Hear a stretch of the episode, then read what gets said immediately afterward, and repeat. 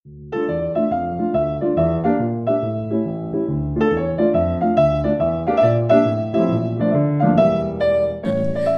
ini juga sekaligus menjawab yang tadi Lucy tanyakan. Mm-hmm. Apakah ini bagaimana dengan tanggung jawab mereka yang ada di di, di gedung hijau di sana? hijau. Bagaimana dengan pemerintah kita, pimpinan kita? Apa yang bisa mereka lakukan? Uh, mereka kan membawa karakter pribadi, jati dirinya menjadi karakter, kemudian menjadi karakter bangsa. Nah, kita sekarang akan melihat apa yang dilakukan oleh Bung Karno karena tadi udah menyinggung Bung Karno. Ada beberapa poin yang saya sempat membaca, bukan sempat, sengaja membaca.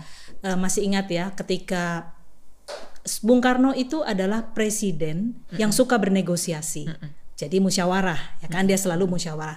Tetapi dia juga bisa menjadi seseorang yang sangat patriotik ketika dia tersinggung dengan Malaysia, mm -mm. maka dia menurunkan pasukan perangnya. Mm -mm. Ke, uh, dia bilang apa? Ganyang Malaysia, mm -mm. karena dia tersinggung dengan Malaysia. Mm -mm. Keindonesiaannya, karakternya sebagai bangsa Indonesia itu tersinggung, mm -mm. maka dia uh, mengatakan itu tadi. Dan hal itu belum pernah ada lagi sesudahnya presiden yang berani melakukan seperti itu ya. Nah, dalam ada, arti ini ini baru Soekarno aja nih yang berani saya begini. ingat juga tuh Bung Karno ada bilang go to hell-nya itu. itu ya. nggak susah disebutin iya, siapa gitu. Itu artinya berani banget dia yeah. mengatakan itu. Itu tumbuh. Dalam hal ekonomi. Iya, ya. dia berani memperjuangkan itu. Uh, dan tidak ada lagi yang berani membahasakan seperti itu. Yang lainnya kita damailah, kita damai bukan Soekarno bukan tidak mau berdamai, tetapi Soekarno harus menempatkan dirinya sebagai bangsa Indonesia sebagai pemimpin yang memperjuangkan bangsa dan negaranya. Uh, kita sekarang banyak loh klaim macam-macam, klaim teritorial, klaim budaya, uh, belum lagi tenaga kerja kita di beberapa di berbagai tempat. Nah, kita seharusnya berani memperjuangkan mereka, tidak hanya sekedar berbicara perdamaian-perdamaian. Kayak lagu dong. Jadi ingat lagu perdamaian. Kemudian yang berikutnya Soekarno itu juga pernah membuat dulu itu membuat dunia takut kepada militer, dunia militer kita. Sampai sekarang pun dunia militer kita tetap ditakuti. Kita paling canggih. Saya teringat ketika dunia kita, uh, eh, dunia militer di, di beberapa negara itu was-was ketika kita mengadakan perlombaan renang dari Selat Sunda ya. Yeah. Nah, yeah. Ada negara yang tidak jauh dari kita. Kan tahu nggak? Kalau orang kita bisa menyeberang lewat selat mm -mm. sampai itu sukses itu berarti kalau hanya ke negara itu bisa, bisa. dan itu ancaman mm -mm. karena radar tidak bisa menangkap manusia yang lewat. Nah, itu kan ancaman. Jadi sekedar berenang aja baru orang tanpa senjata aja udah ketakutan banget. Mm -mm. Zaman Soekarno itu juga demikian. Alutista kita diakui luar biasa. Mm. Nah, uh, Soekarno juga uh, mencipta uh, membuat pasukan-pasukan elit kan. Yeah. Nah, yang sampai sekarang tetap dikirim ke berbagai negara kan. -hmm. Nah, inilah uh, yang membuat bahwa dunia kita pernah ditakuti. Kalau kita bicara Amerika pun pernah malu mm-mm, kepada mm-mm. kan Amerika ini salah satu negara yang tidak suka kepada Bung Karno mm-mm. karena gerakan manuver-manuver Bung Karno ini bikin Amerika gregetan mm-mm, ya kan. Mm-mm. Nah, sampai akhirnya suatu kali dengan kasusnya Ellen Pop uh, Amerika secara psikologis itu harus mengakui kehebatan Indonesia Kemudian Soekarno juga dia berteman. Ini karakter ya, karakter Soekarno. Dia berteman dengan orang itu bukan karena eh lu presiden ya, gua enggak dia seperti kakak adik aja. Misalkan dengan Fidel Castro, ya dia bersahabat baik dengan Fidel Castro. Kemudian dengan Kim Il Sung. Kim Il Sung kan kakeknya ini Nah, dia berteman dengan baik. Nah, ini karakter dari Soekarno yang terbentuk ya. Belum lagi karakter-karakter lain. Saya hanya uh, mengingatkan saja uh, apa yang dia lakukan ini terbentuk dari karakternya dia. Kalau kita lihat presiden sekarang, mm -mm. Pak Jokowi, mm -mm. semua orang sudah tahu. Mm -mm. Pak Jokowi dari penampilannya, dari cara bicaranya, dia orang yang sangat sederhana. Mm -mm. Padahal dia presiden rendah hati dan bersahaja mm -mm. dan orang tidak akan takut berhadapan dengan dia hampir tidak ada batasan padahal ini presiden loh mm -mm. ya kan mm -mm. Uh, ini tidak sekedar manusia, ini adalah lambang negara. Orang sering mengatakan, "Oh, Pak Su, uh, Pak Jokowi itu begini-begini dan lain sebagainya." Jangan lupa, dia adalah lambang negara yang harus Pimpinan kita hormati, kita. ya kan? Itu. Jadi ketika dia ketika kita memperlakukan dia dengan tidak sopan, sama saja kita memperlakukan negara kita dengan tidak sopan. Mm -mm. Saya pernah bertanya soalnya kepada salah satu uh, pendamping presiden, saya menanya, "Bapak, kenapa Bapak mesti menunduk?" Kepada Pak Jokowi ketika Pak Jokowi lewat dan nunduknya tuh nunduk benar-benar begitu. Kenapa Bapak melakukan itu? Dia mengatakan, mm -mm. saya mengikuti perintah pimpinan saya dan dia adalah lambang negara. Mm -mm. Ya, jadi ketika kita seperti kita, kita sangat menghormati bendera kan, bendera yang benda mati saja kita hormati banget-banget ya kan, apalagi yeah. yang ini hidup gitu loh. Nah, yang memimpin kita, yang memimpin kita, kenapa kita tidak memperlakukan dia dengan sangat hormat? Sekali mm -hmm. lagi kalau kita tidak melakukan itu karakter kita gimana gitu loh, karakter bangsa kita orang melihat oh, orang Indonesia sendiri kok tidak menghargai pimpinannya. Sedangkan ya kan? karakter itu adalah masuk di jati diri yang tadi kita iya, bicarakan awal betul. itu ya. Orang akan melihat tuh oh, Indonesia tuh begitu ya modelnya. Nah, ini kan juga sedikit coreng bagi kita ya. Jadi apa pun dia, dia adalah lambang negara kita dan uh, perwakilan di mata dunia. Nah itu sederhana Pak Jokowi. Kemudian dia rajin mengunjungi, belusukan, pekerja keras, ya kan? Mungkin Lucy udah tahu siap uh, kita tidak melihat yang lain-lain tetapi kita tahu bahwa Pak Jokowi memang rajin dusukan artinya apa? Dia turun ke bawah dia mendekati dia ingin mendengarkan suara masyarakat. Jadi tidak hanya yes man aja mm-hmm. tidak sekedar mendengarkan ABS, dari mendengarkan. dari ini timnya ya, dari krisis jati diri ini kan salah satu terjadi karena apa? Orang hanya mau yang penting ABS Bapak senang. Kita kan hmm. nggak hmm. kita kan nggak sungguh-sungguh sebenarnya memperbaiki karakter. Kalau menurut saya hmm. maka terjadilah krisis-krisis. Kita nggak peka, nurani kita akhirnya mati gitu ya. Hmm. Nah Pak Jokowi itu tidak hanya mendengarkan, ya Pak daerah ini bagus Pak, enggak di daerah ini Pak Jokowi langsung tanya telepon. Saya punya teman yang rajin di telepon Pak Jokowi mm -hmm. untuk menanyakan apa? Kondisi di kamu di sana gimana? Karena dia yang ada di lapangan. Dia yang tahu kondisi daerah saya tuh seperti, seperti ini oh berarti ini kamu perlu pembangunan. Dia perintahkan menteri-menterinya untuk uh, koordinasi. Nah Pak Jokowi turun ke bawah tidak sekedar mendengarkan suara orang di sekitar dia tidak yes man siap Pak siap Bu ya kan?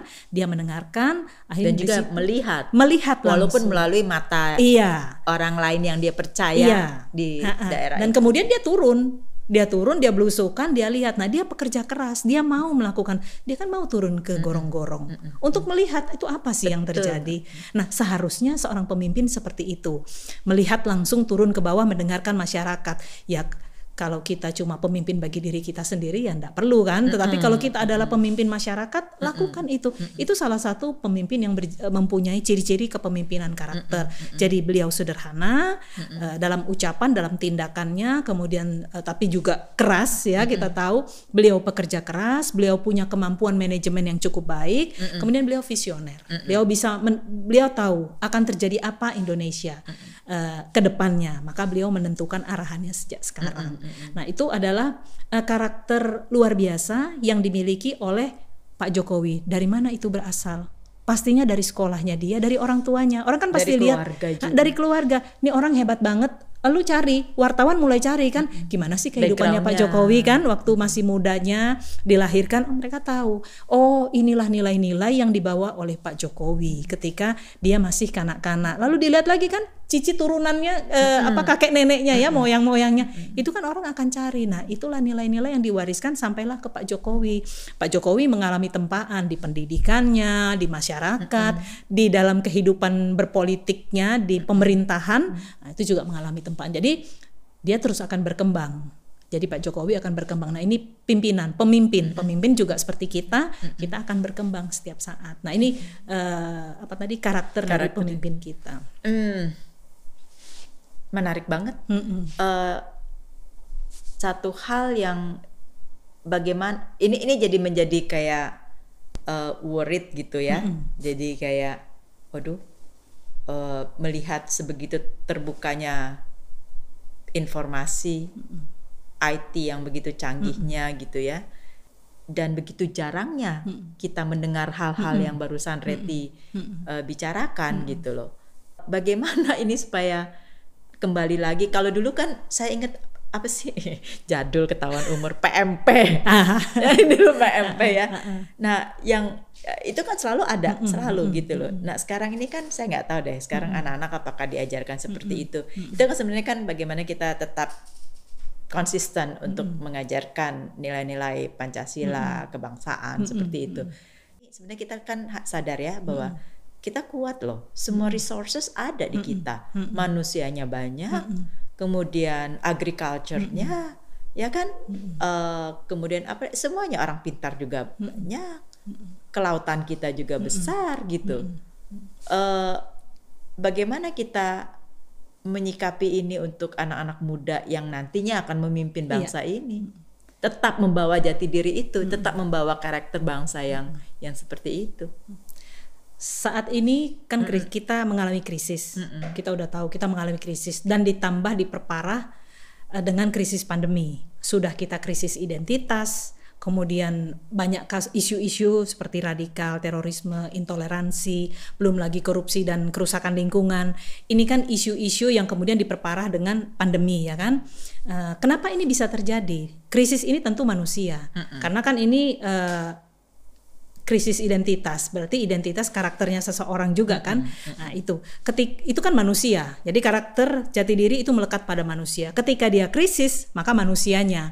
Ternyata kita tidak pernah serius membangun negeri ini. Itu kita sudah sering dengar ya. Orang mengatakan kita tidak pernah serius. Emang benar. Kita tidak serius, tidak peka, tidak peduli, hati nurani kita mati. Coba kita perhatikan swab yang di re reproduksi kembali, oh, diproduksi okay. kembali, didaur ulang kembali. Yeah berpikir apa dia? Dia tidak berpikir tentang ya, kelanjutannya bangsa itu. ya ujung-ujungnya duit. duit mikir diri sendiri egois ya kan uh, uh. karena ya itu tadi ini krisis identitas kita tidak pernah serius membangun lalu banyak sekali hal-hal kejahatan yang kita sengaja pertontonkan di YouTube di di di, di YouTube atau Instagram ya uh. di TikTok dan lain sebagainya kenapa karena kita tidak pernah serius membangun negara ini karakter kita udah apa ya karakter kita itu udah uh, udah di di, dibikin mati hmm. gitu ya. Dibikin nurani kita sudah. Nurani kita saat ini memang sudah hampir hilang. sudah hampir hilang. Nah saya mungkin mau menjawabnya dengan cerita tentang Vladimir. Hmm. Vladimir Putin. Hmm. Putin ini waktu sekolah orang Rusia kan hmm. waktu sekolah dia tidak pintar-pintar amat ya. Jadi dia juga lambat. Nah, dia nakal, dia sangat tidak suka dengan guru olahraganya.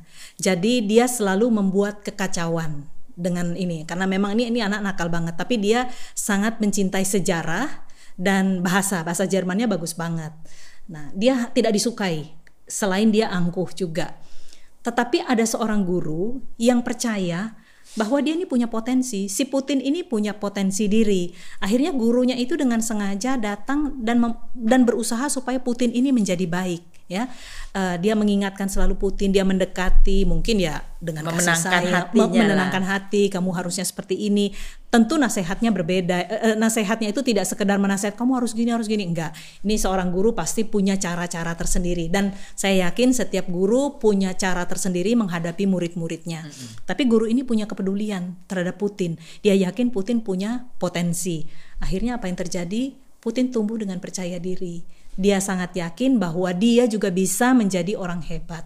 Akhirnya ya kita tahu sekarang Putin menjadi seorang presiden yang luar biasa. Hmm. Kenapa? Kalau tidak ada guru yang percaya, kalau tidak ada pendidik yang percaya, mungkin dia tidak akan jadi apa-apa atau dia jadi seseorang tapi yang jahat. Hmm. Tetapi ada ada seorang yang mengarahkan, maka dia menjadi orang yang benar. Berarti sangat penting sekali peran guru atau peran ibu, ibu kan iya. kan sebagai guru iya. di rumah iya. itu iya. Uh, mendidik iya. anak-anaknya, iya, keluarganya untuk mm -hmm. hal itu. Penting sekali seorang ibu, ibu sebagai seorang uh, guru pertama uh, tadi, uh, perempuan uh, adalah guru pertama, itu memang peka terhadap anak-anaknya. Jadi memang salah satu persyaratannya kita harus peka. Peka terhadap apa? Peka terhadap lingkungan. Nah, lingkungan anak kita bagaimana? Lingkungan sekitar saya bagaimana? Jangan sampai saya nggak peduli saya nggak peka dan tidak peduli. Oh itu mah biarin aja anak tetangga yang terkena narkoba, nggak ada masalah. Yang penting anak saya nggak apa-apa. Sering kita betul, dengar gitu ya. Dia lupa bahwa lingkungan narkoba itu juga nanti akan menjadi lingkungan anak dia anak bertumbuh. Dia. Dan dia juga lupa bahwa anaknya dia juga bisa jadi menjadi orang nomor satu di negara tersebut nah, atau malah dia. di dunia ya, iya. ya karena kejeniusan. Iya. Jadi ciri-ciri pemimpin bangsa yang seperti apa yang Reti pikir yang harus kita punyai. Ya. Uh, di masa saat ini mm -hmm. ya, di masa saat ini kita kan semuanya seluruh dunia ini mengalami krisis ya. kita harus bangkit segera ya tentu bukan dimulai dari kita duluan dimulai dari pimpinan pemimpin ya mm-hmm. karena pemimpin akan membuat banyak kebijakan-kebijakan mm-hmm. yang nanti akan kita kita terima dan kita laksanakan kita aplikasikan di masyarakat jadi kita memang semua saling menunggu maka saya uh, saya tidak mengajarkan kepada pemimpin tetapi saya hanya kebetulan saya kemarin membaca apa sih sebenarnya pemimpin yang berkarakter Pancasila mm-hmm. ya karena saya juga terus uh, harus tahu ya mm-hmm. karena tadi kan sudah saya katakan bahwa saya ingin juga menjadi seorang yang punya karakter Pancasila. Mm-hmm. Nah, jadi saya lihat seorang pemimpin karakter Pancasila itu bagaimana. Jadi yang pertama mereka harus mengutamakan kepentingan bangsa di atas kepentingan pribadi. Itu kita udah tahu semua, seharusnya seperti itu. Walaupun pada kenyataannya kita tidak melakukan seperti itu mm -hmm. ya kan mm -hmm. uh, saya tidak usah menunjuk tetapi kita tahu bahwa masih banyak pemimpin kita yang mendahulukan kepentingan pribadi, pribadi. kepentingan golongannya mm -hmm. seharusnya kita berbicara atas dasar nama bangsa Indonesia mm -hmm. kita memikirkan negara kita di tengah kondisi saat ini ya di tengah kondisi saat ini inilah yang harus dilakukan mereka kemudian juga mampu mengambil kesimpulan yang tepat dan benar nah itu didapat dari mana didapat dari kemampuan mengolah nurani tadi. Nah itu dari mana lagi? Mengasah siksen. Hmm. Jadi uh, feeling, feeling itu uh, tadi. Uh, uh. Indra keenam itu uh, harus diasah.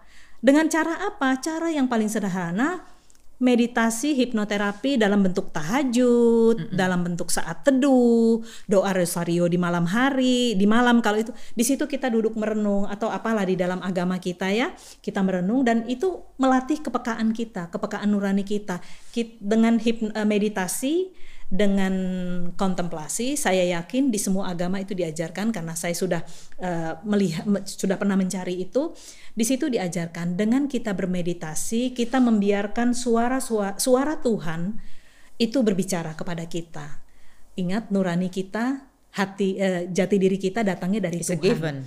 dan kita mesti mampu membedakan ini suara jahat atau suara baik, mm -mm. roh kudus atau roh kuda mm -mm. yang berbicara. Mm -mm. Nah itu tidak serta merta dapat. Jadi seorang pemimpin seperti Pak Jokowi, Pak Jokowi itu kan uh, melakukan meditasi uh, secara pribadi dia, sehingga dia tahu dalam sepersekian detik seorang pemimpin, sepersekian detik dia harus memutuskan A atau B. Nah kalau kita tidak punya kepekaan itu, uh, kita tidak tahu harus menjawab apa, karena kita tadi berbicara berdasarkan bangsa, bukan mm -mm. kelompok kita sendiri.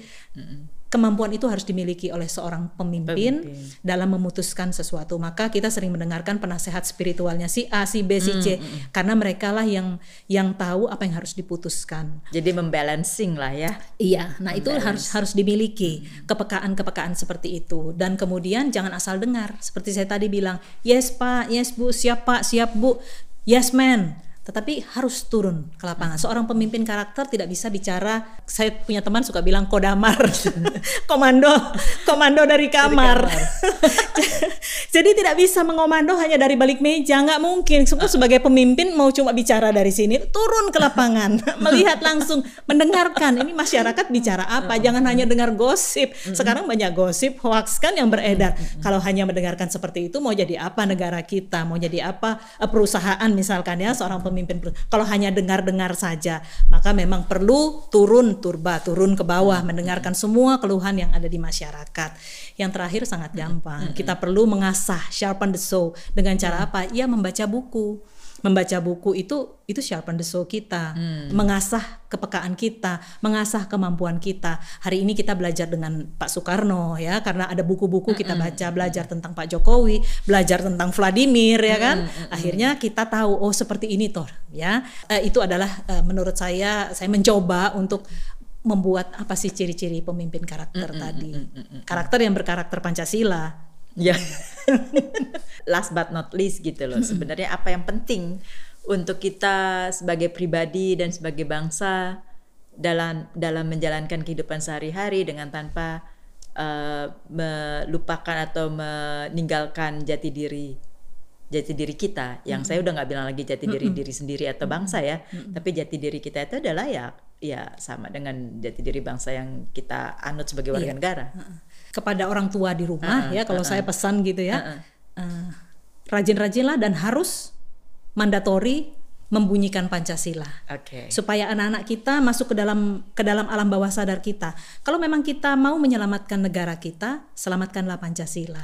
Di sana terkandung lima-lima nilai. Mm-hmm. Itu bukan Soekarno yang buat, Soekarno merumuskan, tetapi diambil dari mana? Digali dari keluarga. Digali dari nenek moyang kita tadi, okay, ya kan? Nah, kemudian dirumuskan. Dari nilai-nilai keluarga, iya, dari kan? nilai-nilai yang keluarga yang ada. Mm-hmm. Maka uh, rajin-rajinlah membunyikan itu supaya anak-anak generasi muda kita tahu dan jangan lupa karena kita sebagai orang tua memberikan keteladanan. Ini yang paling penting. Jadi kalau kita tahu bahwa hal ini harus baik, lakukanlah. Mm-mm. Seperti itu dengan mempertimbangkan ini tadi nilai-nilai moral yang sudah ada di dalam sini tadi. Jadi harus rajin belajar, banyak baca buku, banyak nonton, ngomong sama kita, nonton, nonton YouTube, YouTube yang yang uh, yang baik, yang layak dan pantas. Kemudian duduk bersama diskusikan apakah pembicaraan kita ini pantas disari, uh, disaring, dimasukkan apa tidak.